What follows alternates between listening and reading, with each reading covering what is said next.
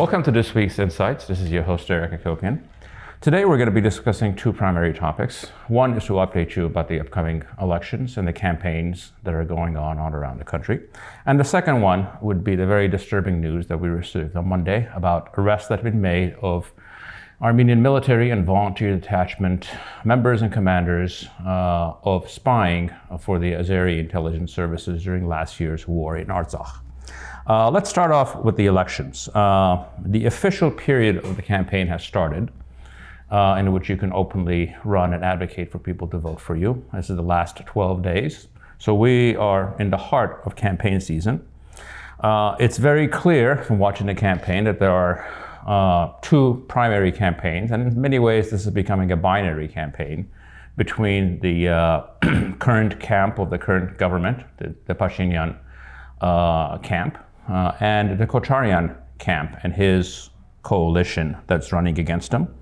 Obviously, these two camps also have the greatest amount of resources, uh, and the, they are running the most vigorous campaigns to uh, watch the rhetoric uh, and to hear the messaging, it's very easy to be quite disappointed. Uh, uh, there's absolutely nothing going on as far as outlining particular positions, talking about particular issues, whether it is the future of Artsakh, whether it is healthcare policy, education policy, defense policy. We hear none of that. Uh, it is petty personal attacks some of it, frankly, some of the rhetoric is really embarrassing. Uh, this week, the former president Kocharyan uh, challenged the current prime minister to a duel, and he responded uh, by actually taking the rhetoric even further down by saying he'll show up without a weapon uh, and with the Armenian people, and then offering to trade his son for the hostages that we have in Baku. So, to, to say the least, this rhetoric has not been particularly enlightening or useful. It's been quite disappointing and I think should be generally universally condemned. Uh, we are scheduled to have debates, uh, which were going to happen, I think, two days before the election. And this in and of itself has become an issue because 10 of the parties are refusing to come. Uh, despite the fact that the prime minister himself challenged the former three brother presidents to show up for a debate that they rejected. Uh, I'm not interested in the particular details of who's coming and what, uh, but to say uh, not showing up at a debate is actually a disservice to the public at large because people, given all the petty rhetoric that's going on in the campaign trail, need to have a chance to hear the candidates specifically or where they stand on the real issues. So I think not participating in debates is actually a disservice to the Armenian public.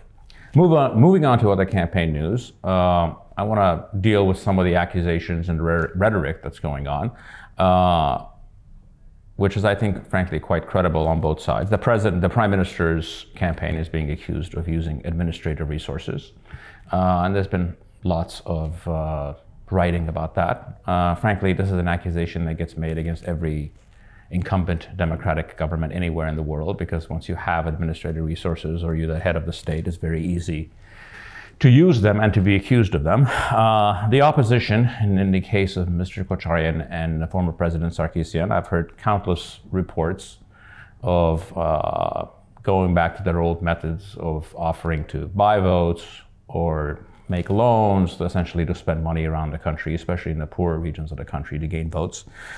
But none of this, frankly, comes with any definitive proof for anyone. Uh, do I guess it's happening? I suspect it is, but we will never know the scale of it. And I would highly doubt anyone will ever talk about it in a way that is reportable. Uh, one of the things that we need to look at is obviously being a very contested election and that these accusations going around about how the system actually works and what are the risks of fraud.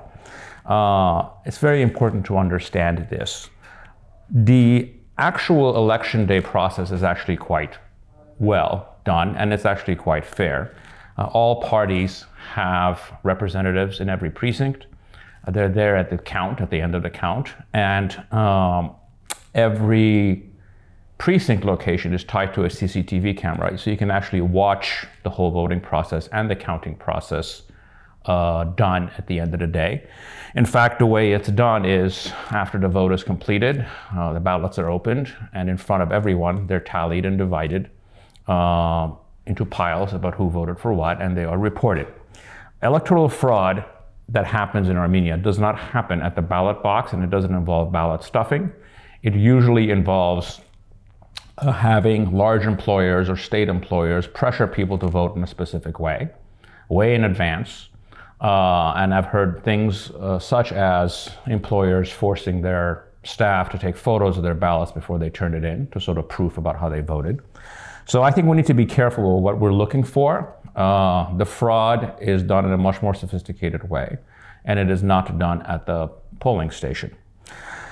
Regardless of that, I think uh, we need to be wary of any of these stories being used to entirely delegitimize the electoral process. We're going to have lots of people watching this process, including a representative of all political parties, uh, plus foreign observers. Uh, and why is this important? I think we cannot allow a situation, if in fact the vote is done properly and fairly, for the losing side to delegitimize the electoral process. Because at the end of the day, the process itself is far more important than the individuals that win. Uh, within every democratic system, uh, there are actually political actors who partake in the democratic system who are actually not democratic themselves, i.e., they will use the process if they win and they will try to delegitimize the process if they lose. We have seen this in countless places around the world, whether it was Donald Trump last year in the United States, uh, whether it was recently last week, uh, the Israeli Prime Minister, Bibi Netanyahu, is demanding his supporters to come out uh, to essentially stop from him from losing office. And uh, it's a very famous statement by Turkish President Erdogan, who said democracy is a train, and once you get to the, station that you want, you get off of it. Well, we don't want to get off that station. The process for us is far more important than the individuals that win. So I think if these results are deemed credible um, by, especially by international observers and local observers, we should not allow anyone to delegitimize this process for their purposes. Moving on to our second topic of the week, uh, it's the news that we received on Monday that the NSS, which is the National Security Service, arrested multiple individuals, both uh, in Army units and in volunteer detachments, uh, both commanders and individuals uh, uh, who have been accused and in many cases admitted uh, for spying for the Azeri intelligence services. Obviously, this is quite disturbing. Uh, to be honest, we have heard reports such as this since the war ended and prior, frank, and frankly, prior to the war ending. Uh, I have been reluctant to talk about this because all of this was speculation, and we should not be spreading rumors if there are no facts behind it. The other thing that we need to note is I think, uh, even though I, I, am 100% confident that these events took place, I think the timing of this is somewhat politically suspicious. Obviously, these arrests are helpful to the prime minister's cause because it shows that you know that the defeat in the war was not his fault; that it actually involved other people. So I think we need to be wary of where these come from.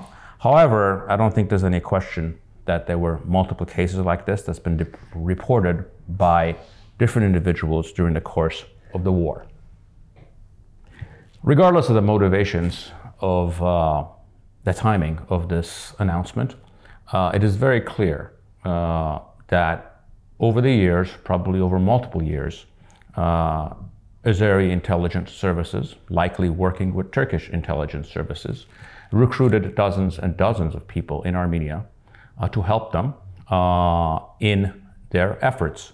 what these people are being specifically charged with which is, makes it even far more disturbing, is to give real-time information about troop positions, specifically in the Hadrut region, i.e. giving coordinates of where artillery positions are, where our rocket systems are, to make it easier for the other side to attack them and destroy them.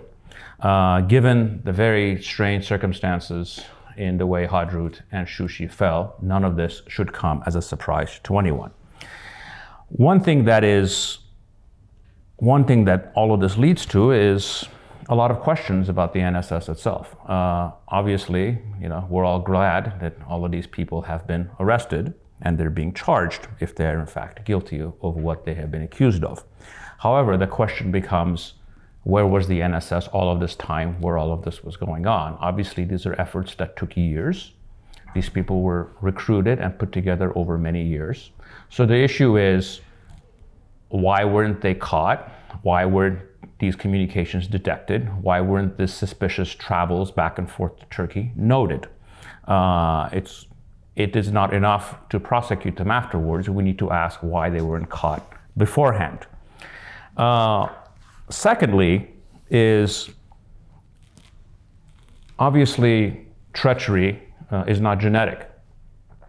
Uh, if they were able to find people on our side that were willing to sell out their country, I cannot imagine that in a regime like Aliyev's, there weren't many, many people, many individuals that'd be willing to do the same for our side.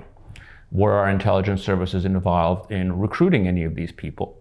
Uh, I suspect not. So we need to ask why not, if the other side is penetrating our society, that our intelligence services are not attempting to do the same. Lastly, uh, we need to ask ourselves the uncomfortable question in this process. Um, if these cases are actually true, we need to ask ourselves why were there so many people in volunteer detachments, in uh, people in uniformed personnel of the military that were willing to sell out their country for 30 pieces of silver. Uh, I will never attempt to excuse the actions of any of these people because if they are guilty as charged, as far as I'm concerned, all of them could rot in hell. I don't care about them. However, uh, they are somewhat revealing of who we are uh, and where our society has been for the past 30 years. I think if you're going to look at this critically and try to learn from it, uh, the one thing to learn is that ordinary citizens are not very good at listening to their leaders, but they're very good at copying them. So for 30 years, we've had an, a, political, economic, uh, cultural leadership that has been busy betraying the country, looting it, it is not hard to imagine uh, that morally weak or degenerate individuals can use that as a license to sell out their country. On the final note, what, what does all of this mean? Uh, what this means is that we need to be willing to look at ourselves in the mirror in the harshest light and not blink. Uh, we need to not make excuses. More importantly, we should not have any illusions about who we are and where we are. Uh, we have a difficult road ahead, but all good things that are going to come are going to are going to start after we get rid of our illusions and look at ourselves and our motivations at the harshest light. Thank you for joining me in this week's editions of Insights.